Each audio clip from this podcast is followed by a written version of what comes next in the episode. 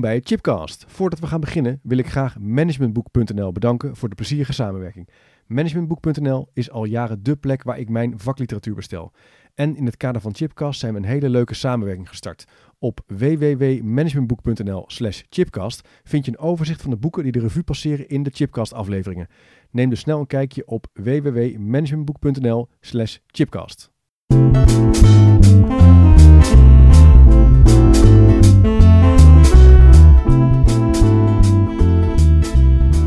Welkom bij een nieuwe aflevering van Chipcast, een programma waarin ik op zoek ga naar verrassende antwoorden en nieuwe perspectieven op vragen die mij bezighouden. En in deze podcast blik ik samen met Peter Lonen en Remco Keizerwaard terug op 2019. Wat waren de belangrijkste ontwikkelingen op het gebied van onderwijs en leren? Wat is actueel? Waar liggen we wakker van? Maar wat zijn ook hoopvolle perspectieven? Welkom in de uitzending. Dankjewel. Mannen? dankjewel. Ja. We noemen een beetje de nabeschouwing van 2019. ja, het is een fantastisch jaar geweest volgens mij, 2019. Ja. Echt, ik kijk er echt enorm naar uit om dit gesprek te voeren. Ja? We gaan eh, een beetje zo'n zo'n nabespreking van, de, van een voetbalwedstrijd, hè? Ja. En eh, we gaan even, we hebben een aantal thema's eh, in kaart gebracht die we gaan langslopen. Een terugblik op 2019, als het gaat over onderwijs, over leren. Eh, nou, best wel actueel. We hebben stakingen gehad, Ja. de PISA-scores. He- hebben we nu gewonnen of verloren uiteindelijk? Wat, wat, wat is jullie beeld daarbij? Over het jaar bedoel je? Ja. Dat is wel een lastige, ja. Dat is wel een mooie vraag. Nou, misschien komen we er aan het eind van het Ja. gesprek nog even Ja, op terug. ja, ik denk dat er hoopvolle, hoopvolle tekenen zijn. Er is altijd genoeg om. eh, ik ben een eh, veel eisende optimist. Ja. Dus ik denk wel dat, dat, dat, dat we de goede kant op gaan. Maar er zijn ook wel een aantal hele lastige vraagstukken hè, waar we voor staan. Ja. Deze week natuurlijk ook de PISA-scores uitgebracht, waar iedereen nog wel eh rijkhalsend naar uitkeek. als het gaat over, over lezen. Over hoe jongeren van 15 eh, lezen. Daar zijn we toch wel in teruggevallen. Ja. Vergeleken met de meest welvarende landen. Nou, de grootste achteruitgang ooit in Nederlandse begrippen volgens mij met lezen. Ja. Ja. Heftig wel. Ja. En, en niet alleen het lezen, ook eh, eh, wiskunde rekenen eh, is achteruit gegaan volgens mij. Ja, iets omhoog, maar als je uitzoomt op de grotere linie omlaag. Ja, en de kansengelijkheid, ehm, doen we het ook niet beter. nee, nee. We, we zitten nog wel boven dat gemiddelde van al die rijke landen, Ja, maar we komen schuiven steeds meer op naar het gemiddelde. ja. Dat is ook een beetje altijd een verontrustende stelling. Gemi- gemiddeld gezien is on- on- ons onderwijs op orde.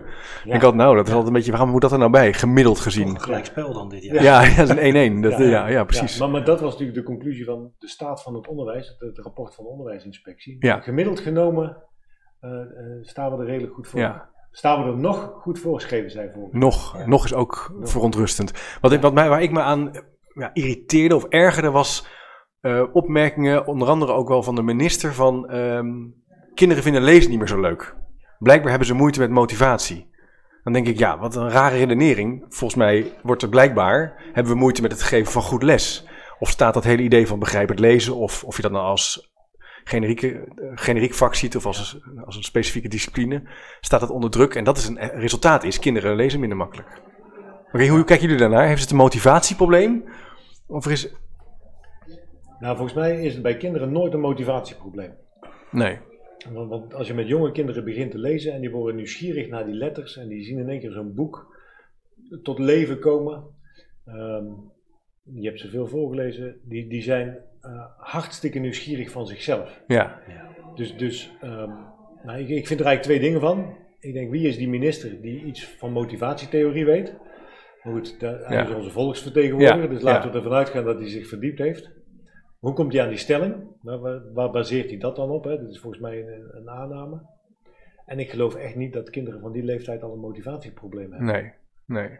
Ben ik jij, Remco? Nou, ik, ik, zat, ik zit er wel over na te denken. Toevallig was er gisteravond ook een stukje op tv waar het ook over ging van het kijken van video's of beelden. Er wordt het nieuwe lezen ook wel eens genoemd. Ja. Of, of je daar nou mee eens bent of niet, dat ben ik zelf ook nog niet uit. Maar hoe, hoe, eh, hoe verhoudt zich dat in, in deze, dit vraagstuk? Ja. Dus, dus moet je alleen op lezen focussen of zijn er ook andere eh, media waar, waar langs de eh, studenten of kinderen informatie tot zich krijgen? Maar de bal van de motivatie, daar kan ik ook niet helemaal Nee, achter komen. nee. Omdat ik wel vind van, ja, wat je zegt, snap ik ook. Van, de kinderen eh, raken vanzelf ook nieuwsgierig zodra er een wereld open gaat met lezen. Alleen de een zal altijd meer gemotiveerd of, of meer ondersteund moeten worden om dat te blijven doen dan de Ja. ander. Dus ook gaat ook Ja. om het doorzetten en het leren dat Ja. te doen. Ja, mooie dingen kosten soms ook moeite. Ik Ja. vind dat voor mij is dat wel echt het inzicht van dit jaar. Dat motivatie een heel belangrijk aspect is als het gaat over leren. Met name bij volwassen educatie. Maar bij kinderen is, speelt er ook wel iets anders. Speelt er ook, moeten we ook vooral kijken naar de leerkracht, de leraar, de professional. Die kennis wil overdragen, een culturele vaardigheid wil aanleren. Ja. En dat moet, Ja. moet doen op een effectieve, slimme, mooie manier. Ja. En, Ja. en, en dan wordt leren ook leuk. Dan gaat er een wereld voor je open. Zie ik ook bij mijn eigen kinderen. Als je leert lezen, kan er meer. Kun je meer doen, wordt je wereld groter, ga je nieuwe dingen Ja. uitproberen, et cetera, et cetera. Ja, en, en als je daar die positieve leer-emotie aan koppelt, hè, motivatie is ook een stuk emotie. Ja, Of een van de onderdelen van motivatie is de emotie. Eh, de trots die iemand kan hebben als hij kan lezen. hè, Ja. de- volgens mij is dat een hele activerende, eh, positieve leeremotie. Ja. Juist. Ja. Du- Dus, dus gun die leerlingen, die, Ja. die kinderen, de trots van het goed kunnen lezen. En geef dus goed les, ja, Ja. leren ze het goed. zou je dan zeggen. Ja. Ja. En, en dat gaat, En, nou, sorry. Nee, nee, ik wou zeggen, dat, gaat, dat geldt niet alleen bij kinderen en daarna dat motivatie belangrijk. Ik denk dat het ook naarmate je verder komt, ook bij opleidingen, zal, zal je ontdekken dat er dingen zijn waar je gewoon echt doorheen moet. Ja. En dingen die je op je motivatie wat makkelijker Ja. Dus net als bij lezen en rekenen bij kinderen op een basisschool, krijg je dat met veel ingewikkeldere vraagstukken in het hoger onderwijs. Of- Ja. Dat die balans is altijd. Ja, ik denk het ook. En, ik vind, en ook het punt over eh, ja, die digitale wereld. Hè, daar komen video's aan. Het, eh, lezen is niet meer zo de moeite waard. Ik heb laatst toevallig eh, op, instructieopdrachten gezien op een tablet voor eh, leren rekenen op de basisschool. En ik word er toch wel eh, echt een beetje ongelukkig van hoor, als ik dat zie. Ik zag toevallig, om het even te illustreren, ik zag een jongen liggen naast een bed. Ja. Dus je krijgt een filmpje, en er ligt een jongen naast een bed en die heeft een ketting in zijn hand met kraaltjes. En het gaat over optellen en aftrekken boven het twintigtal. En die begint dan te vertellen over dat hij een ketting heeft waar hij geld mee gaat verdienen. Hij gaat die ketting namaken, vertelt hij dan. En dan gaat hij er heel veel geld mee verdienen. Wat ik op zichzelf wel een hele verwarrende start vond. Het is ook een jongen die een beetje doet alsof hij een kind is, maar ook niet helemaal. Dus kinderen kijken dat dan die 6, Ja. 7 zijn. Ja. Maar die jongen is dan, doet een beetje alsof, maar ook niet helemaal. Dat vind ik nou. En dan gaat hij vervolgens dat filmpje, gaat hij die ketting eh, namaken. Dan zie je een nieuw shot, dan zie je die handen, dan zie je die ketting zo, zie je hem zo tellen. En, en dat duurt allemaal best lang, vind ik. Dat is dan een instructie. En vervolgens moet dan, eh, gaan kinderen dan een verwerkingsopdracht maken. Hè? Krijg je een, een vraag en Ja. dan, dan is eigenlijk de bedoeling dat de leerkracht aan de achterkant gaat zien, lukt dat dan of niet? Ja. En Ja. heb ik instructie nog. Maar je ziet dus eigenlijk al dat die video de instructie overneemt. En in mijn fantasie, maar ik had vroeger ook wel moeite met een beetje met concentratie, gebeurt er zoveel in dat filmpje. Dat ik denk, wow, weet je wel, waar, waar gaat dit heen? Ja. Ja, Ja, zien Dus de ik- kinderen door de bomen het, het instructiebos nog. ja. En ik denk ook wel eens, wat is er mis met het, met het cijfer 6? Of het cijfer 12 in hemelsnaam? Ja. Dus ik spreek- praat een beetje vrij uit, maar dan denk ik, ja, waarom niet gewoon zeggen 6 plus 6 is 12? Ja. En 6 bestaat uit, nou ja, als je al met vier, maar dat moet allemaal weer heel maar erg... in een van jouw Nee. podcasts van dit jaar heeft natuurlijk iemand dat, dat volgens mij eh, fantastisch uitgelegd. Dat daar ook gewoon eh, wetenschappelijk onderzoek achter zit. Hoe dat je het kinderen het Ja. best leert rekenen. Ja, En dan, dan kunnen we daar eh, ehm, van alles leuker proberen te maken. Of digitaliseer, eh, gedigitaliseerd proberen te maken. ja, Ehm, dat is prima, maar je moet wel recht blijven doen aan hoe leren kinderen dat rekenen nou op een, op een Ja. fijne, effectieve manier. Ja, nee, ik, ben het, ik ben het ook helemaal eens met, eh, met die redenering. Het vraagt gewoon kennis van instructie, kennis van activeren van voorkennis, van een verwerkingsopgave geven, van nakijken. Dat speelt op een, in, in het PO, maar het speelt ook in het VO. Ja. En het speelt ook in het MBO-beroepsland, want ook daar moet je leren. Als je een zuiger van een auto wil repareren, Ja. zou je ook iets moeten gaan overdragen. Ja, ja. Eh, Ja. ja. Ik, ik wil nog één opmerking maken over, de, over dat motivatiestuk. Want, want door dat containerbegrip te gebruiken van het zal wel aan de motivatie, de kinderen zijn niet meer zo gemotiveerd om te lezen, bagatelliseer je ook het probleem en kijk je eigenlijk weg van het feit dat we dus een probleem hebben in Ja. het land. En, en ehm, ik, ik merk ook nog niet echt de urgentie om te zeggen van waar ligt nou de ambitie van, van Nederland in dit geval, of van ons onderwijssysteem. Waar ligt nou echt onze ambitie dat we zeggen van nou, wij zijn een welvarend land, dus wij moeten veel beter kunnen dan dit. Dus Ja. hoe, hoezo glijden wij af? ja, ja, dat is wel een rare Goed punt. beweging, juist in deze tijd ook. Hè? Ja, ik zou het in de spotlight willen zetten. Ja, Ja. En, en ik moet ook nog denken aan, aan wat Paul Delno eh, op, op ons laatste hit-event eh, Ja. zei. We, we hebben wel de statistieken, we zien de cijfers, maar we missen de verklaringen. ja, Hoe komt, eh, wie heeft er nou echt goed zicht op waarom dit achteruit gaat? Ja. Wat is ons verklaringsmodel hiervoor? Is het inderdaad die motivatie? Is het de manier van lesgeven? Ja. Is het uh, um, diversere groepen? Uh, zijn het onderwijsexperimenten? Ja, en dat is verschil. Acht, acht, negen zeker. verklaringen geven waarom dit zou kunnen zijn, maar we moeten het uitzoeken volgens ja. mij. En het verschilt ook wel natuurlijk in wat voor type onderwijs je kijkt. Hè. Het VO, PO, is best wel hè, uh, MBO, HBO. Ja. Ik denk, wat mij wel, wat ik een heel treffend gesprek vond met Wim van den Broek, die professor uit, uh, uit Brussel, die hier sprak over de dalende onderwijsresultaten. Die wel kon onderbouwen dat die individualisering, die trend van meer naar individueel gepersonaliseerd onderwijs kijken, het moeilijker maakt om een bepaalde gezamenlijke norm ja. te halen. Ja. En dat we daarin, uh, noemt ook het punt van uh, overmedicalisering. Hè? Dus kinderen eigenlijk heel snel niet accepteren dat ze minder snel zijn. En dan het zien in de vorm van, nou ja, ze moeten een pilletje of ze, zijn, uh, ze hebben dyslexie. En zijn, daar, daar, daar zijn we echt aan het zoeken met elkaar.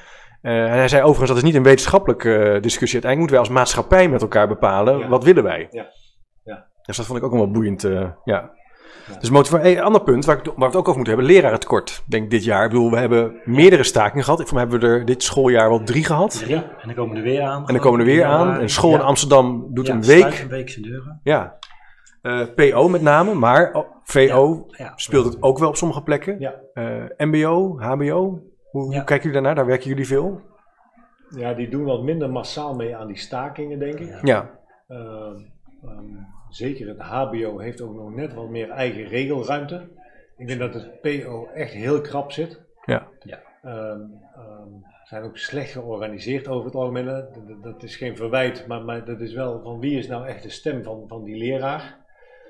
Uh, maar er zijn toch wel vakbonden en zo, maar hoe, wat bedoel je dan? Dat zijn, ja, maar, maar de organisatiegraad daarvan, hè, van ja. hoeveel van die docenten ja. zijn daar, of leerkrachten zijn daar echt aangesloten bij die vakbond. Ja. Hoe sterk is die stem? Um, um, ik, ik, ik, heb een zus in het basisonderwijs, mijn vrouw werkt in het basisonderwijs en ik heb nog wel pittige discussies met ze gehad. Ja. Van, is, is die werkdruk nou jullie juiste argument om die ja. stakingen aan te gaan? Want, want ik weet niet of dat jullie wel eens op feestjes komen en je zegt dat je in het onderwijs werkt. Het eerste waar iedereen over begint is die schoolvakantie.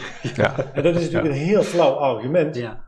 Um, maar, maar het onderwijs laat zich dat ook gebeuren. Ja. want, want als zij nu het echte pleidooi is, Um, wij zorgen heel lang en heel veel voor de opvoeding, Juist. voor een gedeelte van de opvoeding van Ja. jullie kinderen. Ja. En, en ik weet niet, wij hebben allemaal kinderen, maar, maar als die naar school gaan, ik vind het hartstikke belangrijk dat die een goede juf of meester hebben. Dat die alle aandacht en tijd daarvoor heeft. Die moet ook nog met mij als ouder in gesprek. Die heeft weet ik hoeveel zorgleerlingen. Um, dus de, dus de opvoedkundige taak en, en Verantwoordelijkheid. verantwoordelijkheid die Ja. die leerkrachten hebben, volgens mij moeten ze daar een veel meer een punt van maken. Ja. Nou, en ook veel meer misschien daar hun professie naar voren brengen. Of, of, hè, dus ook eh, wat is daar vanuit wetenschap of wat, is, wat, wat weten wij vanuit onze dagelijkse beroepspraktijk. Wat belangrijk is Ja. om, om te realiseren om inderdaad die verantwoordelijkheid goed te kunnen nemen. Ja. En ik deel wel jouw beeld van het gaat nu, het lijkt nu heel erg alleen op werkdruk geënt. En ze hebben wel een bredere agenda dan alleen dat. Maar op een bepaalde manier merk ik ook wel aan mezelf dat ik daar ook een beetje op af ga haken op een gegeven Ja. moment. Ik denk van ja, voor mij moet dit gesprek wel op een ander plan ook komen. Ja. Ehm, om, en daar kun je de dingen waar we net over begonnen, motivatievraagstuk, de terugloop bij PISA, eh, Ja. dat soort dingen zitten daar ook in. Ja. Gro- grotere verscheidenheid in die klas, Ja, eh, verschillende onderwijsvormen, nieuwe experimenten, administratief last. Dus ik heb echt heel veel compassie met die mensen. Want zeker. Ik denk echt dat er vreselijk hard gewerkt wordt. Ja. Maar als je je punt wil maken, weet ik niet of dat dit het goede Nee. begrip is. Nee, nee, er wordt ook wel makkelijk gezegd van ah, ze, wer- ze werken zo heel veel part-time. Er was natuurlijk ook Ja. eh, vorige week Jort Kelder nog een gesprek met Ja. een econoom, die eh, een dame, ik ben even de naam kwijt. Nou, als mensen allemaal één uur meer gaan werken, is het opgelost. Ja. En dan zie je natuurlijk op Twitter heel veel mensen die zeggen, ja, ik werk juist minder, ook omdat, omdat ik al heel veel Ja. over moet werken. daar kom je niet Dus er zit wel een. Ja. Ik vind is me- een hele korte termijn oplossing. Want, Ja. eh, wat doe je dan als je volgend jaar weer werkt? Doe je weer allemaal een uur erbij? Ja. Ja, want dan krijg je natuurlijk dat het allemaal een beetje, ja, Nee, maar iets kijk, erbij, iets erbij, maar het lost niks structureel, structureels op. Wat er natuurlijk wel de laatste jaren is gebeurd, dat steeds meer verantwoordelijkheid die ook eh, in het verleden ook meer bij ouders lag, of gewoon hè, in de maatschappij lag, verhuist ook de, de, de, de school Ja. in. Ja. En, en dat kan je niet oplossen door te zeggen, we doen even iedereen een uurtje Nee. erbij en dan klopt het Nee. rekenkundige. Ja, Ja, ik zou wel denken- Een gekke, eh, als je, hè, het, verschil tussen salaris en PO-VO, zou ik wel, dat, dat is echt wel Dat vreemd. moet Dat moet je Ja, Dat moet je gewoon recht trekken. Ja. Ik hoor ook wel eens eh, eh, leerkrachten die zeggen: Ja, ik, ga, ik ben aan door, eh, Ja. door aan het eh, ontwikkelen, want ik, ga, ik wil naar een middelbare school. Dat Ja, scheelt gewoon een paar honderd Ja, euro. ja, ja. Als, jij, als jij kiest voor het onderwijs, maakt dat wel uit. Ja. En je wil een huis kopen. Nee, maar dat is een gek. dus dat is gewoon, dat is, ja. daar hebben we eh, werk te doen. eh. Ja. En de echte dood in de pot, volgens mij, om dit probleem op te lossen, is te zeggen van nou, maar dan halen we mensen van buiten, die zijn nog onbevoegd. Ja. En die, eh, dus Jeff Drum had een prachtig verhaal van ouders, daar ben ik helemaal voor. Ja. hè. Te- Betrekken. Ja. betrekken Ja. en ze de, Ja. eh, korte dingen laten doen. En eh, je hebt natuurlijk Ja, heel veel masterclasses, hè? workshops. Ja. Masterclasses, Kan. prachtig. Ja. Maar structureel iemand voor de klas zetten, daarmee ehm, ehm, nou, maak je het vak Nee. als docent echt heel erg eh, laag in Ja. de hiërarchische ladder. Ja. Of dat het geen serieus beroep is dat je daar Nee. Dat Nee, iedereen dat ik zou ook. kunnen. Ik heb eerder een podcast opgenomen over leraartekort over eh, middelbare scholieren die als bijbaantje, tutoring, eh, kan je dan Ja. een paar uur in de week extra activiteiten doen. Nou, dat zijn natuurlijk hele leuke manieren om dat vak weer aantrekkelijk te maken. Ik denk, Ja. hè, dat- zijn jongeren die dan misschien in aanraking komen met een beroep. In plaats van vakken vullen, werk je dat prima. Ja. Maar de grote klap maak je daar natuurlijk niet mee. Nee. Nou, en wat natuurlijk nog wel, eh, wel interessant is, dat als je ook een grotere groep op zoek bent naar een grotere groep docenten is, wat zit er dan in het werk wat het aantrekkelijk maakt voor meer mensen? Ja, Hè, dus als je ook naar het curriculum van een basisonderwijs kijkt en wat daar allemaal de aandacht krijgt, kun je dat nou wat verruimen, dat het ook voor technische mensen leuk wordt om op een basisschool les te gaan Ja. geven. Ehm, of, of meer praktisch ingestelde mensen. Dus, het- dus ik denk soms wel eens waar je, dus wat je moet doen, ja, dat is misschien ook wel van invloed op welke doelgroep dat interessant vindt om daarin te werken. ja, Ja. ja, En eh, dus je zou in het totale pakket daarin ook wel eens kunnen kijken. ja. Van, om het aantrekkelijker te maken. Los van de financiële kant van de, van de medaille. Maar ik denk dat we wel kunnen, kunnen concluderen dat 2020 gaan we meer over het leraartekort ja, horen, zien, Ja. voelen. Eh, scholen gaan. wordt denk ik eh, alleen maar groter. Want het wordt precies wat groter, jij net zei, van mensen die door willen stoten uit VO. Het MBO, voor zover ik... Ik heb niet alle cijfers paraat, maar dat duurt niet heel lang meer. Dan krijg je daar ook een soort golfje waarin een wat oudere generatie zeker, gaat zeker. Golf, golfje, golf. Ja, Ja. toch? Dat is echt wel zo. en, eh, Ja. Dus dat- die moet ook aangevuld gaan worden. Ja. En dan zit je ook daar weer. Hoe gaan we dat nou doen? Hè? Ja. Dan hoor je met die Ja. hybride docent en allemaal Ja. mooie oplossingen. Maar hoe dat dan moet, arbeidsrechtelijk. En dat zijn Ja. dingen, dat worden echt nog wel Ik sprak een eh, schooldirecteur eh, een paar weken geleden. Die had het over vierdaagse schoolweek al. eh Ja, zei, ja, ja, daar ben ik over aan het nadenken. Heel Ja. controversieel thema. Ja. Maar ze ik wil één dag in de week dicht. En wat zij zei, vond ik ook interessant. Ehm, we geven relatief in Europa heel veel les. ja, Veel uren in relatie tot onze resultaten. Dus zouden we niet, als we beter les gaan geven, ook kinderen een brede schoolachtig, hè, dat er gym is, dat er na- culturele activiteiten na school zijn, brede schoolidee of integrale kindcentra, hoe je dat wil noemen. Vond ik ook wel een interessant thema. Beter lesgeven, tijd overhouden, zodat je die werkdruk kan, Ja. kunt verlichten. Maar dat is natuurlijk wel interessant dat een aantal jaar geleden in het MBO daar juist een richtlijn is gekomen op verhogen van de lestijd. Ook deels om ze binnen te houden en dat Ja. die verhoging Ja. verder gaat dan wat er inderdaad. eh. Maar dat is ook weer bij het MBO, dan denken we, laten we dan ze dan maar een hogere norm opleggen, want dan blijven ze wel. Ja, Ja. Maar ja, als het niet de moeite waard is, Nee, dus of, als of, de, of de je les niet interessanter daarvan wordt. ja, dan Ja. ja, wat een moeilijk verhaal. Ja, en, en je ziet het juist in een van de eh, eh, toplanden op onderwijsgebied, Finland. Daar is het aantal onderwijsuren veel en veel minder. Ja, Zodat de docenten ook met elkaar tijd hebben om de lessen goed voor te Ja. bereiden. Ja. zich verder te professionaliseren. kalibreren, samen, even, ja, Ja. dat is Ja. heel belangrijk. Ja. Ja. Ja. Dus je moet beter lesgeven, Ja. effectiever lesgeven. Ja. Je meer laten leiden door wetenschap, door kennisoverdracht. Ja. Zodat je meer tijd overhoudt. Waar ik heel enthousiast, enthousiast over ben, zijn scholen die dus na school met elkaar gaan gimmen. Of eh, een toneelstuk gaan voorbereiden samen met een BSO of met een sportvereniging. Ja. Dat idee dat je langer op school kan blijven, maar niet alleen maar het idee dat je dan moet kennis, klassiek kennis moet overdragen. Ja. Maar dat, veel scholen worstelen daarmee. Want Ja. het heeft allerlei verzekeringsachtige dingen. Weet Ja. je wel, kan dat wel? Hoe doen we Ja. dat dan? Ja. En Ja. Een, een mogelijke, nou, dat is helemaal geen korte termijn oplossing, maar ehm, als je kijkt naar een beroepsgroep die, die in het onderwijs echt heel sterk ondervertegenwoordigd is, zeker in het funderend onderwijs, bij de jongere categorie zijn de mannen. Ja. Ja. Dus, dus als we nou het onderwijs aantrekkelijker maken qua, qua status, qua Ja. zekerheid, qua autonomie, ehm, ook om voor mannen weer te kiezen voor dat onderwijs, daar zit een enorm potentieel. Ja. En dat laten we eigenlijk voor een heel groot Ja. stuk. Ja. Ik heb natuurlijk een pleidooi. Zijn er Ja. wel mee bezig. Paus zijn ermee bezig en je hoeft, je hoeft nu als, niet meer per se bij de kleuters eh, te beginnen met je stage, want daardoor haakten ook veel, eh, veel studenten af. Ik heb natuurlijk een pleidooi gehouden voor een mannenpabo, een Ja. halfjaartje geleden in een onderwijsstukje voor de NSC. Eh, wisselende reacties. De leukste reactie vond ik waren vrouwen die zeiden, mogen wij ook naar de mannenpabo? Ja, precies, ja. dus het is natuurlijk een beetje flauw, maar het idee Ja. dat je iets Nou. meer, want mannen zijn anders dan vrouwen in wat Ja. ze ook verwachten. Ja. En een mini-onderzoekje wat ik daar deed, was dat heel veel studenten kiezen niet altijd voor de pabo, omdat het qua carrière vooruitzichten, als je hoofdkostwinnaar bent, is het niet altijd een goede weg. Nee. Nee. Dus daar zit ook Maar iets... Dat is wel de lange termijn keuze. Ik, ik Ja. weet niet zeker of studenten daar al op, op jonge leeftijd die bewust Nee, misschien niet. Nee? Nee. Denk ik. nee. En ze zeiden van, ja, ik kom met een, heel, met een vrouwenteam en zo. En dat was echt af en toe, dat hoor je echt wel. Ja, we hebben Eh. laatst ook een gesprek in ons team, ook mensen die vanuit de Pabo, ja, die ook wel zeggen, ja, ehm, dan zit je daar eh, te knutselen en te kleuren en het is allemaal een beetje gechargeerd en een beetje, maar Ja. hoe aansprekend dat kan zijn. Het is echt niet erg om een keer te knutselen en te kleuren, Nee. omdat je dat moet, maar ik vind het ook heel leuk. vind je Ja. daar? Ja, je moet En balans Daar vinden, gaat ja. het even om. Ja. En ik weet, maar ik ben nu met een nieuw stuk bezig eh, over instructie. Dat veel eh PABO-studenten ook zich afvragen of er wel genoeg tijd is voor expliciete, directe instructie. Ja. Ik heb op Onderwijs en Zo de Facebookpagina van Bertus Meijer, die podcast eerder, eh, heb ik een poll uitgebracht over is er genoeg tijd voor de instructie op de PABO? Ja.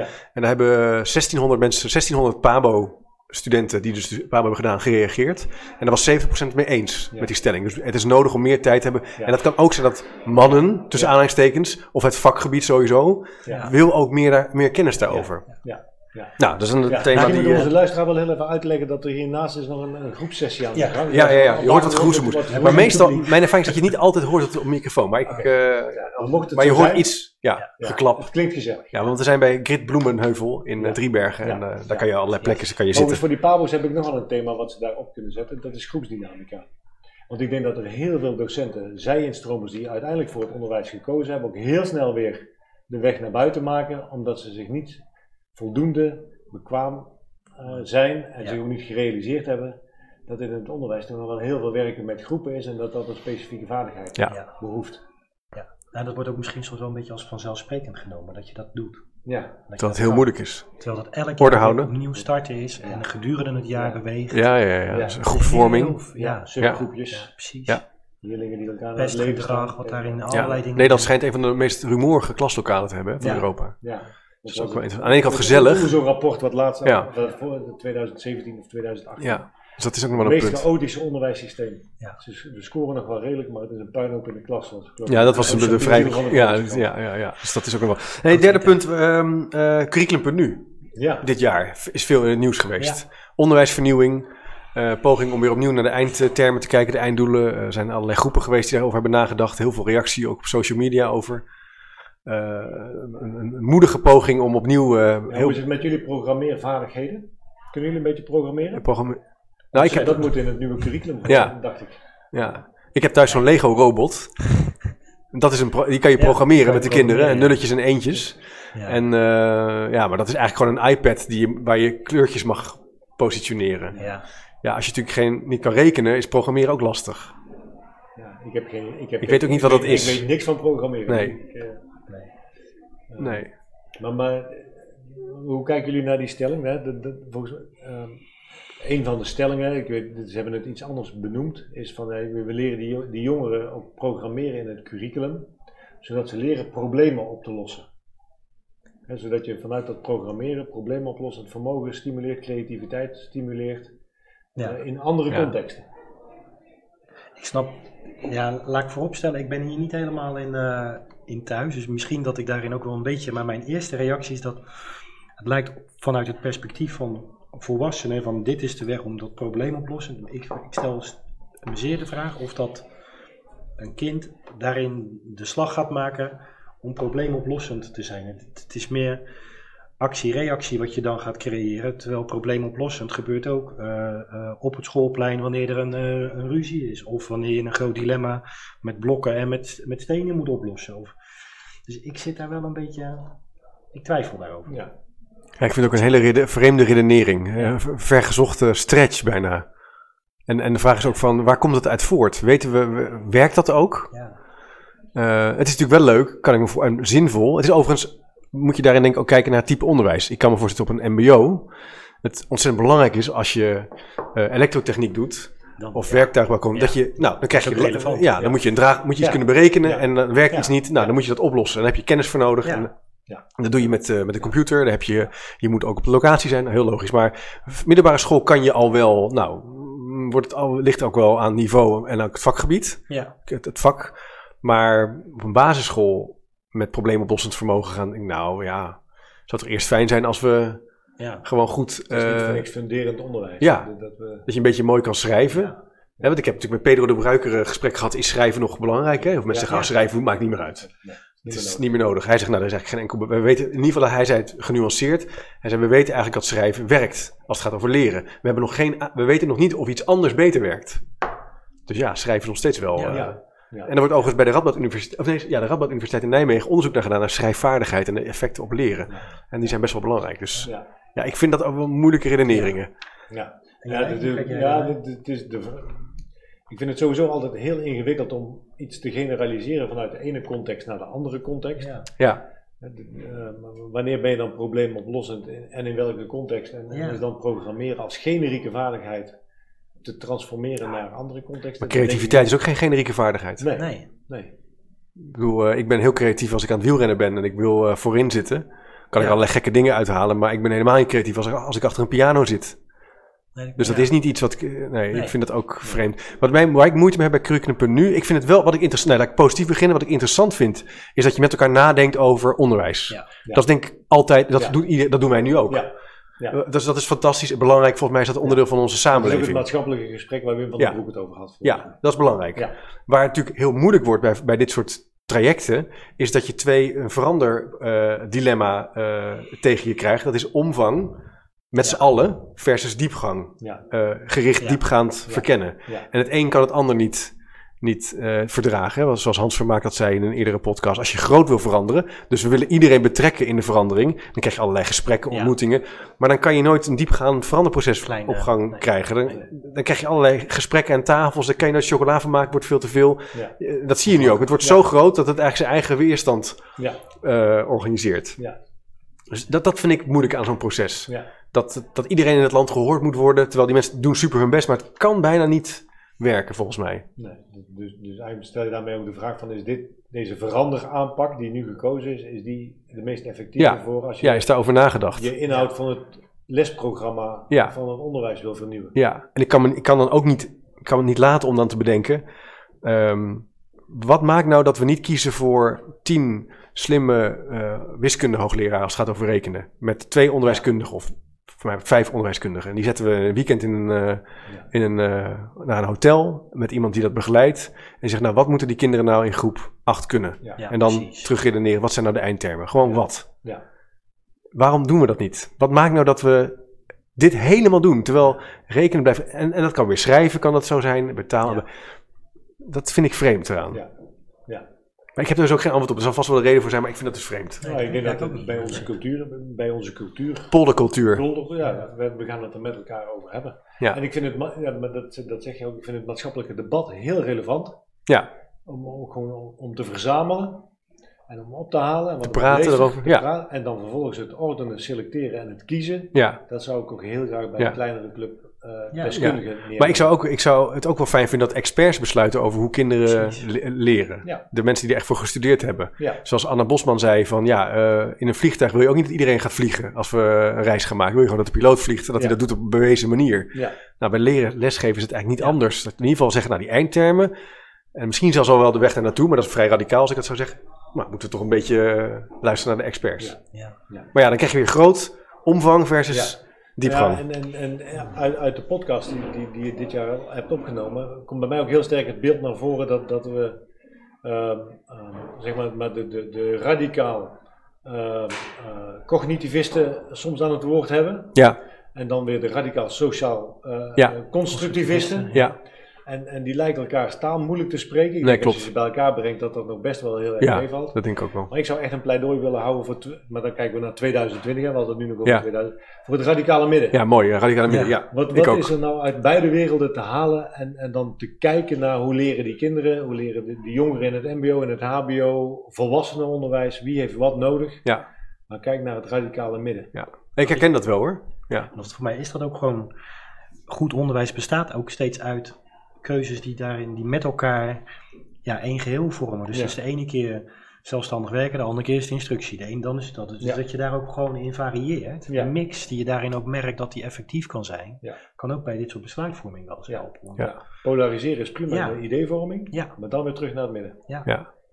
Ja, ik merk het ook wel dat in die podcastreeks, ik vind, wij vinden het ook belangrijk om die perspectieven ook op tafel te leggen en ze beter te begrijpen. Dat is ook een vorm van kiezen. Dat je Ja. met elkaar, maar je merkt al naarmate het meer beluisterd wordt, dat mensen zeggen, ja, wat vind je er nou van? Moet je niet kiezen? Terwijl ik denk dat die radicale middenweg, het snappen van beide perspectieven en het proberen te verbinden ook een belangrijke keuze Ja. is. Ja. En ook een perspectief is. dat wordt wel eens over het hoofd gezien als het gaat over onderwijs. Het een of het ander. Ja. Oké, dus dat is curriculum nu. Dus we hebben PISA gehad, lerarentekort. Curriculum nu. Eh vierde thema is eh, het inzicht van ongelijke kansen. Ja. Ik begin nog even met de negatieve punten van het. We hebben ook hoopvolle perspectieven. Maar het Ja. idee dat we, waar we achter komen dat die, onder, we houden vol, maar dat die onderwijsvernieuwingen ook leiden tot segregatie, tot scholen die heel verschillend presteren. Ja. Dat speelt op het beroepsonderwijs ook wel, hè, denk ik. Eh, maar zeker in het VO en, eh, en PO. Eh, en dat leidt tot ongelijke kansen. Ja. Ja, voor mij zit daar ook dat, dat, dat die hang naar personaliseren, naar individualisering speelt daar een, een rol. En ik denk dat je daar slimme kinderen, slimme, eh, of kinderen uit een eh, eh, hoge sociaal-economische status eh, best heel veel goed mee kunt doen. Ja. Ehm, die onderste groep die dreigt wel langzaam wat af. Dat, dat bleek Ja. ook uit, en uit PISA en uit het, eh, Ja. het rapport van de onderwijsinspectie. Zie je dat die, eh, de kansenongelijkheid neemt toe. Terwijl, ja, wat is het doel van onderwijs? Hè? Dat, dat is ook nog eens een hele lastige discussie. Maar je zou willen dat die kansen... van Gelijke kinderen- Ja, ja, toch wel wat Bertus Meijers zei. Iedereen gelijke kansen. ja. Ik las een stuk in de NRC, of voor mij was het NRC hierover, dat als je dit wil aanpakken, is het eigenlijk bedreigend voor de elite. Voor de top. ik denk dat dat zo En dat is ja. waarom het heel moeilijk is het te veranderen. Ja, ja, ik denk dat ook. Dat, eh, maar, maar nog los van, van de organisatie school en voortgezet of basisonderwijs. We hebben natuurlijk dit jaar ook gezien dat er weer enorme bedragen, die nog steeds toenemen, aan allerlei Ja, bijlesinstituten. precies. Ja, schaduwonderwijs. Ja, Schaduwonderwijs. ja, dat is heel erg groeiend. Hè? Ja. Voor de elite. Ja. Ja, je moet je maar kunnen betalen. Nee, eh, nee maar eh foutloosrekenen.nl, daar kan je een cursus doen van zes weken, of, eh, in groep 6, 7 of 8. Ja. 1500 euro, 1800 euro. Ja. Ja, Ja. dat Ja. heb je, als je dat niet hebt. Ja. Dat is heel veel geld. Ja. Als je modaal verdient en je hebt een huis, dan is het moeilijk om op. Dan moet je echt goed sparen. Ja. Dus ja, Ja. Heb je dat. Ja. En dat maakt enorm uit voor je doorverwijzing. Ja. Absoluut. Voor je advies, sorry. eh, Ja. Dus Ja, en speelt MBO, middelbare eh, universiteit speelt het ook, hè? Teaching to the test, het oefenen van, het, van bepaalde, Ja. die, de Amerikaanse e-sets volgens mij. examens, allemaal gericht op, op het presteren op het moment en zo hoog mogelijk. Dus het begint natuurlijk al met die CITO-score. Absoluut. Ja. Telt nu niet meer mee voor het schooladvies. Maar ja, telt wel mee. betwijfeld. Ja, Ja, ja, precies. En, en ehm, nou ja, we zijn zo aan het testen, testen, testen. ja.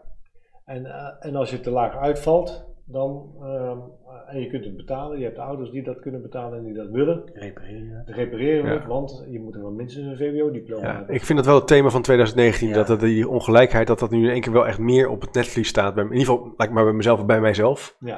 En dat we daar echt wel wat mee moeten in 2020. Ja. Gelijke Ja, het is kansen. Ehm, ook wel interessant om ernaar te kijken. Je kan het hebben vanuit sociaal-economisch perspectief, of misschien ook van Ja. achterstanden. Maar je kan ook vanuit onderwijsperspectief. Dat je, je met zulke grote groepen start, waardoor je ook echt niet iedereen in de gaten kunt houden. En van daaruit dat je al weet dat de eh, Ja. deficiënten gaan ontstaan. Ja. En dat er dan alweer een groep is die dat kan repareren uit eigen zak, maar een andere groep weer niet. En wat kost dat uiteindelijk als die kinderen een jaar of 20, 25 zijn in de maatschappij? Ja, en we Ja. zitten nu nog steeds in het debat over eh, eh, de werkdruk. Dat ik denk, Ja. waar, waar, waar, wil je, waar wil je over 20 jaar zijn en wat kun je daar nu aan doen? Want er zijn blijkbaar wel genoeg mensen die die scholen kunnen bemensen. Die bijscholing voor die na- en die bijscholing voor die kinderen. Nou, wie Ja. weet kun je daar verbindingen gaan maken. Je hebt blijkbaar misschien wel genoeg Maar hier mensen. speelt een onderliggend patroon ook wel. Dat, dat zijn vaak ondernemers, eh, mensen die ondernemend zijn, die ook wel zeggen: Ik wil niet meer bij zo'n school werken, ik doe het gewoon zelf. Ja. En dan, maar dan, Dus dat zit ook Dat wel. ook een trend zijn die alleen maar sterker Ja. Hè, ZZP-docent, ZZP-leerkracht, we hebben nog een stukje toevallig over geschreven dit jaar. eh, eh, die best wel werden aangevallen door bestuurders. Van, oh, wat ben jij eh, fout iemand. Terwijl die mensen zeggen: Ja, ik heb gewoon geen zin meer in al die vergaderingen, al dat gedoe. Ik kan individueel veel meer, of relatief, een beter salaris krijgen. En ik ben ondernemer, eigen Ja. baas. Ja. Dat, is een dat, is een emanci- dat geeft een heel prettig gevoel. Ja, Hè, voor diegene dan. ja. Dat, dat speelt ook mee. Ja, dus maar, dat, een- ge- als je dat gevoel van autonomie, dat weten we natuurlijk allemaal, dat- is toch een hele belangrijke Ja, eh, precies. tevredenheidsfactor in je eigen eh, Tuurlijk. leven. autonomie, verbinding, vakmanschap. Hè? Ja, Ja. En ik kan best voor in een organisatie, er komen een beetje op een ander thema van verslaafd en organiseren, het vernieuwen om te vernieuwen. Als jij in een school zit en je bent altijd maar bezig met Ja. vernieuwen, altijd maar de kernwaarden, probleemverslaving, nieuwe trajecten. En je kan nooit met je vak bezig. Dat je op een gegeven moment zegt, ja, zal het zal wel. Ik, eh, ik ga of, eh, hè, eh, ik, zet me, ik zet mijn uitknop aan, Ja. of eh, ik eh, ga ondernemen. Ja, en als je dat kenbaar maakt, dan is de oplossing vaak een visietraject. Ja. Ja. Oh ja, Ja, klopt. Je moeten hebt weer, we moeten ja. het weer eens over Ja. onze visie, Ja. onze visie herijken. Ja, terwijl kalibreren met elkaar over- en een probleem oplossen veel minder in de mode zit, Ja. is. Ja. Laten we eens kijken naar wat hoopvolle perspectieven. Ja. Dit zijn even wat aanleidingen die Ja. in het nieuws zijn Ja, geweest. Eh, die zorgelijk zijn, waar mensen naar oplossingen aan het zoeken zijn. Ehm, eh, minder uitval in het MBO. Ja. ja, ja, Positief. zeker. Ja. Ja. Hoe komt dat? Ehm, de aandacht is er duidelijk veel meer op gericht om ook te kijken van wat kan het MBO zelf doen om die studenten eh, aan zich te binden. Ehm, Ja. de- dus ehm, de, de acceptatiegrens dat er veel leerlingen uitvallen is volgens mij ook ehm, aangepast. Hè? Dus- Dus we accepteren het met elkaar ook niet meer. Dus er is veel stimulering ook aan, aan Dus een controleapparaat. controle op. Ja, Ja. Ik weet niet of dat, Ja. dat nu de Nee. factor is dat het Maar het zal wel meespelen. maar het Ja, speelt ja. misschien mee. Ja. Het kan meespelen. Soms werkt het ook om, Ja. om het goed in de zicht te houden. Ja, ja. Maar, maar als sector zijn doet het MBO het eigenlijk eh, Best ja, wel goed, hè? ja, VSV is ook wel succesvol. precies, hè? ja, Ja. Voor tegen schooluitval. ehm, ehm, Schoolverlaten, Volgens de onderwijsinspectie. Ja. Ook daar Ja. zijn mensen die daar zeggen van ja, maar dat is een rapport van de onderwijsinspectie. Kun je daar nou alles aan ophangen? Doet het MBO het eh, eh, goed? Ja. Nou, mooi. Dus dat, eh, dat zet door. En Ja. verbinding met het werkveld is natuurlijk altijd bij een MBO enorm sterk. Hè? Vaak regionaal hebben ze allerlei slimme samenwerkingsrelaties in ziekenhuizen met eh, autofabrikanten, eh, zonnepaneelbedrijven. Weet je, dat Ja. is altijd. Ja, soms de keuzedelen hebben soms wel wat moeite mee, hè? De, de, de, de minor Ja. die je kan doen. Maar dat, soms gaat het ook wel goed. Dus dat Ja. in de algemene linie. Ik denk dat MBO wel eh, stappen vooruit Ja. gemaakt heeft. Ja. De laatste paar jaar, Ja. maar ook Ja. zeker het afgelopen jaar. Ja. Daar zitten echt wel eh winstpunten Ja, wat ik in. daarin ook heel positief vind, en ik, ik weet niet of dat, dat een factor is die meehelpt dat, dat de resultaten beter worden, maar ik heb het idee dat ook een een groot aantal MBO-instellingen ehm, wat weerstand gaan bieden tegen de wet en regelgeving. En Ja. meer eigen koers gaan varen. Ja. Dit is hoe dat wij Ja, het dat willen zie ik ook hebben. wel, Dit is, Ja. dit is voor ons Positie innemen. Ja. positie ja, innemen. Ja. Ja. Ja. Ja. Dat klopt. Er is ook toch dit jaar eh, een boekje verschenen vanuit Ruimte in de Regels of zo. Ik weet niet precies de titel, maar dat is ook echt een, ook wel in samenwerking met de MBO-raad en ook met het ministerie van Onderwijs echt wel meer van, ja, er is wel ruimte in die Ja. regels. Daar waar het een Ja. aantal jaar geleden heel rigide gevolgd werd. Het lijkt wel alsof, het voelt wel alsof er wat meer zuurstof in het Ja. systeem komt. Leuk, we gaan het boekje even opzoeken. Zetten we even op de website. Ja. ja. Ja. Ehm, Overigens vind ik, het- zie ik ook een positieve trend in het, in het HBO. Het voortgezet ken ik wat minder goed. Ehm, dat dat thema studiesucces Ja. en, en het, het- de maatschappelijke verantwoordelijkheid pakken, dat, dat Ja. het kan toch niet zo zijn dat er 40, studenten, 40% van de studenten uitvalt in het eerste jaar Ja. of meer. Die maatschappelijke eh, vraag, die wordt echt wel heel erg gevoeld op dit Ja. moment. En daar wordt Ja. echt heel hard aan gewerkt Ja.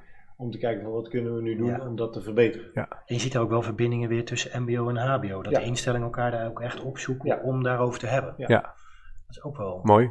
Gaat niet altijd ook altijd makkelijk, maar dat lukt wel. Een ander thema is, eh, jullie hebben haar eh, te gast gehad bij jullie eh, hit-event eh, een paar weken geleden. Dominique Sluismans met examineren. Anders kijken naar examineren, tijd voor een revolutie, hè, noemt Ja, ze het ja. volgens mij. Toetsrevolutie. De toetsrevolutie. Ja. Ja. Wat, wat, wat is dat? Voor degene die nu luistert denkt, toetsrevolutie?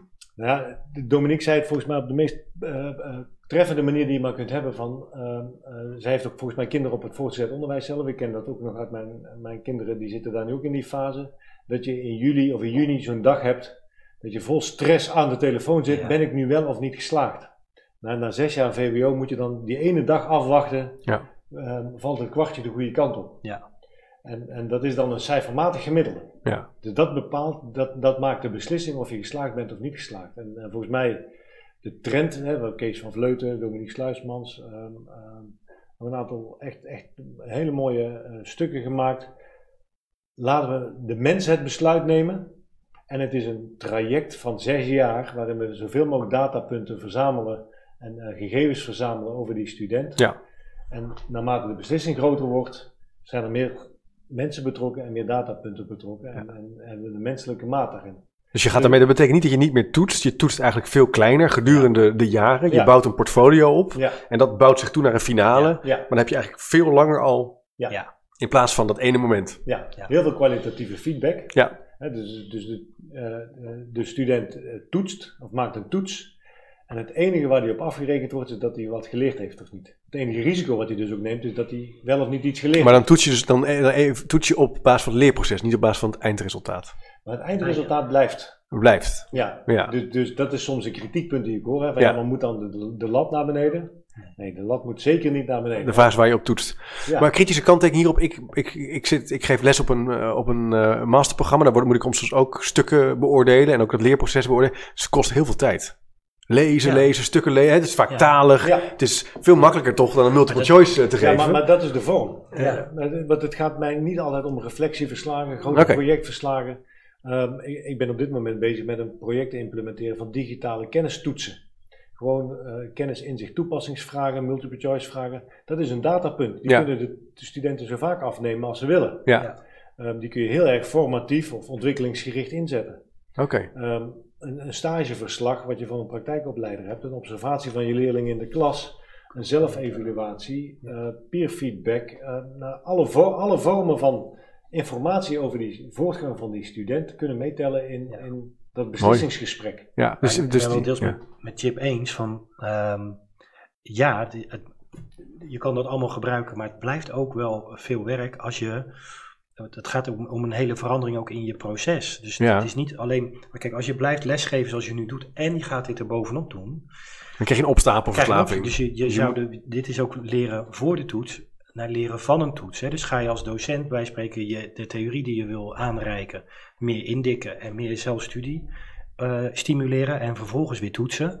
En daar dan weer kwalitatieve feedback Ja, op zetten. Dan, ja, ja, ja. dan ga je in een andere loop. Maar dat je zegt dan iets heel belangrijks. Het is meer dan alleen een andere manier van examineren. Het vraagt verregaande consequenties in de organisatie, in de teams, in de examencommissie, in de toetsingscommissie. Nou ja, het hele, dus Dus het je is, moet dat proces heel erg goed Ja. beschrijven, want dan moet je maximaal transparant in zijn om Ja. die betrouwbaarheid ook eh, te garanderen. Dus de, de betrouwbaarheid van die ene toets, ja, die gaat misschien wel wat naar beneden. Maar de validiteit van je totale toetsprogramma neemt natuurlijk enorm toe. Ja. Ja. ja, ik vind het ook heel spannend om, om, om en een mooie, mooie beweging voor, Ja. om, om toch anders te kijken naar examineren en naar Ja. toetsen. Ja, en, Ja. En, en ik wil het ook wel graag een pleidooi doen dat het ook wel niet heel ingewikkeld is. Nee.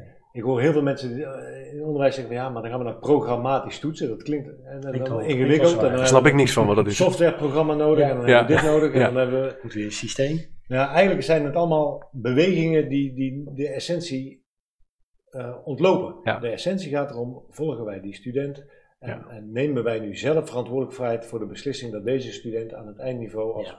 Beginnende beroepsbeoefenaar in het mbo of hbo eh, voldoet. Mag deze eh, student toetreden tot de beroepsgroep? Ja, Dat is ja een mooi. enorme is het. grote beslissing. Ja, zeker. En het, is, het vraagt dus om, om systemisch te kijken naar dat vraagstuk en niet Juist. één dingetje eruit te halen. Ja. Nee, nee. En het is niet zo ingewikkeld. Nee, Want de meeste dingen doen ze al. Er komt Ja. een- het is geen opstapelverslaving Nee. volgens mij. nee. Dus we gaan er meer van horen volgend jaar. Ja. Ja, En zij komt in de uitzending dat- trouwens. ja, ik had haar al in oktober en toen Ja. lukt het helaas niet. Maar Ja, ze komt in januari, februari. Ja, het komt zeker. Gaat gebeuren. Ja, Dus daar gaan we er meer over horen. ja, eigenlijk was dit ook een van de redenen om, om tien jaar geleden ook al te kiezen voor competentiegericht onderwijs. hè. Dus er zat ook deze manier van toetsing. Ja, Leerweg Ja. onafhankelijk toetsen. Zat daar ook heel erg in. ja. Mix. En toen is het mislukt in het systeem. Dus laten we nu Ja. heel erg waakzaam zijn dat het niet mislukt. Moeten we gewoon niet meer laten systeem. gebeuren. Het is mislukt omdat het weer in het oude systeem geduwd Ja. is. Ja. Ja. En het weer teruggeduwd Ja. is. Ja. Docent van het jaar. Jullie hebben op het HIT-event eh, High Impact Teaching, dat is een onderwijsconcept, een manier van eh, lesgeven die Ja. jullie eh, toelichten als, als bureau en eh, die instructie eh, een hele grote rol toe bedichten. Ja. En daar is een docent heel erg goed in, hè? Ja. Wie is het geworden? Linda van Zanden Ja, eh, van MBO Rijnland. kijk. Ehm, ehm, docent die, die echt enorm veel stemmen gekregen heeft ook van haar leerlingen. Ehm, en, en ik vond dat opvallend, eh, omdat ze eigenlijk van een relatief kleine onderwijsinstelling is. Dat relatief, hè, MBO Rijnland is ook eh, opleiding verpleegkunde. Ja. Eh, toch een vrij grote omgeving. Maar er zaten ook twee jongens, Hisham en Mustafa van bedrijfskunde van de HVA. Nou ja, als je het dan over aantal hebt, die Ja. zijn natuurlijk Ja. vele, vele malen groter. Ehm, eh, eh, mooie feedback. Ehm, eh, ze, ze ziet haar leerlingen echt, hè, dat zeggen die, die leerlingen dan ook echt allemaal. Eh, ze staat voor ons klaar, ze kan goed uitleggen. En, en zij ehm, ehm, eh, van ja, maar ik wist niet dat we ook twee mensen mochten nomineren, want het gaat natuurlijk om mijn hele team. Ik krijg nu de prijs, ehm, maar, maar het gaat om het hele team. Team effort. Ja, Maar ze, ze, ze, ziet, er, ze ziet de studenten echt staan. Ja. ja, Dat is een belangrijke waardering. ja, Leuk. Ja. Mooi. Ja. Dus een docent van het jaar die, eh, die op een goede manier kan lesgeven eh, met behoud van relatie. Ja, maar ook een soort eh, sfeer creëert met haar, met haar le- leerlingen, Ja. mag ik het zo zeggen? Ja. Of, ja. ja. ze, ze vroeg ook aan haar van, van is ze streng? Ja, Nou, nou, niet per se streng, maar ze is wel heel duidelijk. duidelijk. Ja, ja, ja, ja, dat- ja, ja. ja, dat Daar zijn zit natuurlijk wel twee wel, ja. Duidelijk, duidelijkheid is wel belangrijk. Ja. Ja. Ja, je, je, je moet betrouwbaar zijn. Ja. We, we hebben zo'n, ook, ook met die leeremoties, zo- zo'n modelletje van wat zijn nou de factoren dat de studenten naar je toe komen in plaats van van je afgaan. En, en eh, fairness is echt de onderste, eh, de meest belangrijke. De studenten moeten het idee hebben dat het eerlijk is. Ja. En dan eh, komt eh, relatedness, hè, dus Ja. hoor ik er dan bij. ja, samenhorigheid. Ja, precies. Maar het begint wel bij, bij Maar, maar, maar ja, eerlijkheid is. eerlijkheid. Eerlijkheid en duidelijkheid. Eerlijkheid duurt het langst. ja. Ja. Toch? Maar dat, maar dat is ook congruent, moet dat zijn met de organisatie. Ja. Want dat kan je niet als individuele docent. Nee, dus het zegt ook iets over het MBO Rijnland. Ja, zeker. Ja. Kan niet anders. Ja, Het team en organisatie, die, Ja, eigenlijk krijgen die ook die prijs. Ja. Ja. Leuk. Ja, Hey, er en- trots op zijn. Ander punt wat wel, denk ik wel positief is, dit jaar vind ik, is, vind ik opvallend dat er steeds meer relatie is tussen wetenschap en onderwijs. Dus er zijn natuurlijk eh, publicaties verschenen waarin die wetenschapsinzichten voor, van leren en hoe leren werkt bij kinderen, bij volwassenen, gratis wordt gedeeld. Hè. Dat wordt enorm gedownload. Hè. Ja. Eh, Tim Surma is daar grote aanjager van, eh, Paul Kiersner, maar meerdere vakgenoten. En je ziet, ik zie in ieder geval op veel scholen dat dat meer onderdeel is van nadenken over onderwijsverbetering dan dat vijf jaar geleden zo was. Kan aan mij liggen, maar ik zou hem toch even willen noemen. Jullie lopen langer mee dan ik, dus misschien zit ik Ik ernaast. twijfel een beetje mee. Ja? Denk Ja, te twijfelen? Nou ja, als ik, als ik in dat tijdsbestek graag, ja. van vijf jaar, dan op de plekken waar ik kom, en ik kom veelal in het mbo, eh, en dan soms ook in het hbo, dan, zie, dan, dan merk ik nog niet dat daar heel erg veel gebruik gemaakt wordt Nee. van de informatie die daar is. En dat, dat ze eh, het echt wel fijn vinden als je daar wat aan, op aanreikt. Maar ik heb nog niet het indruk dat dat echt heel, Nee. Heel Dus we hebben nog wel wat te winnen, zeg jij. Het, het- ja, het ik, is ja, nog- dat zou ik ja, wel zeggen. ja. Het HBO vind ik wel, daar, daar, zijn, daar ligt het al meer voor, Ja. voor de hand. En dat heeft Ja. misschien wel een beetje natuurlijk te maken ook met. Ja, lectoraten, de- Lectoraten, onderzoek doen. Je hebt natuurlijk een mbo gelukkig de practoraten. dat is wel ja. steeds meer, eh, Ja. begint dat in de spotlight te komen. Ja. Eh, ik, ik, ik, heb, ik deel wel het optimisme ook van, van Chip, maar dat, Ja. ehm, er komt natuurlijk ook steeds meer onderzoek. Eh, nou, eh, en, en de onderwijskunde als zodanig is natuurlijk nog een vrij jonge wetenschap. Ja, Ehm, daar komt steeds meer ehm, wetenschappelijke kennis ook die, die praktisch toepasbaar is. Ehm, maar, maar ook mensen, net, net nou, Pedro de Bruikere die je in de podcast had, Ja. eh, Paul Kirchner, eh, dat boekje Wijze Lessen, wat dan ja. gewoon twaalf bouwstenen, vijf inzichten, Ja. dat echt helemaal gebaseerd is op wetenschappelijk. Maar ook jullie hit, eh, hitconcept, high impact teaching, is ook wel. gebaseerd op- hè, waar, Ja, waar, waar zitten die overeenkomsten? Ja. Ook heel prettig om dan te zien dat die twaalf bouwstenen van Wijze Lessen eh, daar heel mooi bij aansluiten. Ja, Ja. Ehm, ehm, de, de, de cognitieve psychologie, die natuurlijk toch ook, ook eh, heel Nee, veel de- wetenschap heeft. Dat herken ik zeker. Maar als ik nu bijvoorbeeld bij een school binnenkom waar, waar er geroepen wordt: wij gaan naar gepersonaliseerd leren. En je vraagt vanuit welk perspectief of vanuit Ja. welk idee of wat willen jullie daarmee. Nee, het blijft een beetje stil, hè? Ja. Dan krijg ik alleen het antwoord van eh eh kunstschapskolan. En Ja. eh, ongeveer, en we Ja. zijn daar op studiereis Ja. even een keer Ja. iets Ja. hooguit. Ja. Nou, ik denk Ja, dat, dat dat, nog een dat beetje we nu nog wel in de fase zitten dat mensen er wel heel veel kennis van genomen hebben. Ja, Ja, Maar, maar dan ook de kritische eh, eh, beschouwing op hun eigen ideologie. We, Ja. we hebben natuurlijk ook wel eens een discussie gehad van hoe ideologisch gedreven is dat onderwijs nu. ja. Ehm, en, en ik heb niks tegen ideologieën, maar, maar enige kritisch, kritische reflectie daarop, die vind ik wel heel cruciaal. ja. En, en dan ben ik het met je eens, dan, dan zijn er nog wel wat... Nou, je hebt mensen die zo zijn overtuigd dat het allemaal geïndividualiseerd zou moeten zijn. Dat het ook al zou, het kan het absoluut niet in een school, dat het nog steeds zou moeten. En dan krijg je dit soort veranderprocessen en, en reorganisatiebewegingen waar, je, waar- ja, waar, Ja, maar- waar de kinderen de, de rekening voor krijgen. Ja, En maar ook gewoon dus dit, hè, met, met personaliseren, maar ook gewoon echt iemand die wat verdieping heeft gezocht op groepsdynamische processen. Ja. Wat dan ook. Ja, Ja. ik merk aan mezelf, Ja. ik denk dat ik wel steeds vaker Ja. denk van wat zouden we daaraan kunnen doen. Dus we kunnen zeggen, durf te denken. Hè? Ja, Bedien je ja, van je verstand, laat je, lees je Ja. in, eh, Ja. gebruik die wetenschap. Ja. En laat je niet, ideologie, ideologie is belangrijk. Ja. Ja. Moet je het over hebben met elkaar, maar laat je wel leiden tot wat Ja. we weten. En wat daar Wat misschien wel een aardig in is, is dat, ehm, kijk bijvoorbeeld ook bij de leraaropleiding. Als je een leraaropleidingen, eh, Nederlands, aardrijkskunde, eh, maatschappijleer, die richten zich ook nauwelijks nog op het mbo. Nee. Dus daar waar een bron kan zijn waar studenten in aanraking komen met, met wetenschappelijke inzicht op het gebied van pedagogiek, didactiek, hè, vanuit hun Ja. leraaropleiding, dat zijn vaak niet de docenten die Ah. daar in het mbo gaan werken, die gaan ook vaak naar het VO. Ja. Dus soms denk ik ook wel eens, zit daar dan een relatie? Dat is interessant, het mbo veel vanuit zijn instroom doet. Hè, dus dat zijn mensen vanuit het, Uit het vak, is werkveld. Prima. Ja, Maar misschien dat die een ander haakje hebben. Dus ook van, de- vanuit zichzelf intrinsiek iets minder ja. beweging hebben naar, die, naar de wetenschappelijke, de meest recente wetenschappelijke inzichten daarin. ja. dat zou misschien dat die dan daarmee juist on- per ongeluk de boot missen en dus niet die kennis Ja. eh, met ja, zich meekrijgen. dat ze niet willen, want als je erover begint, dan Ja. zeggen ze: wil je ons meer vertellen? Ja. Dus er is absoluut Ja, interesse. dat kan ik gewoon niet weten. maar het, Gewoon ja, je niet, kan het niet, gewoon niet niet mee in aanraking zijn Ja. gekomen. Ja. Oké, Dus wel dat een interessant thema om eh, volgend jaar te verkennen, denk ja, ik, ja. eh, nog een Ja. keer. Ja. Ja, Oké. Ik zou een pleidooi willen houden, ook, ook naar de docenten toe, om niet alleen vakinhoudelijk te professionaliseren, maar vooral ook op didactiek, Ja. pedagogie, Verenigd dynamica. Toe, Ja. ja. Verenigd. Ja, Ja, Ja. ja. Ja, mooi. want dat maakt ook het ingewikkelde van dat vak Ja. hanteerbaar. Ja. ja. Ja.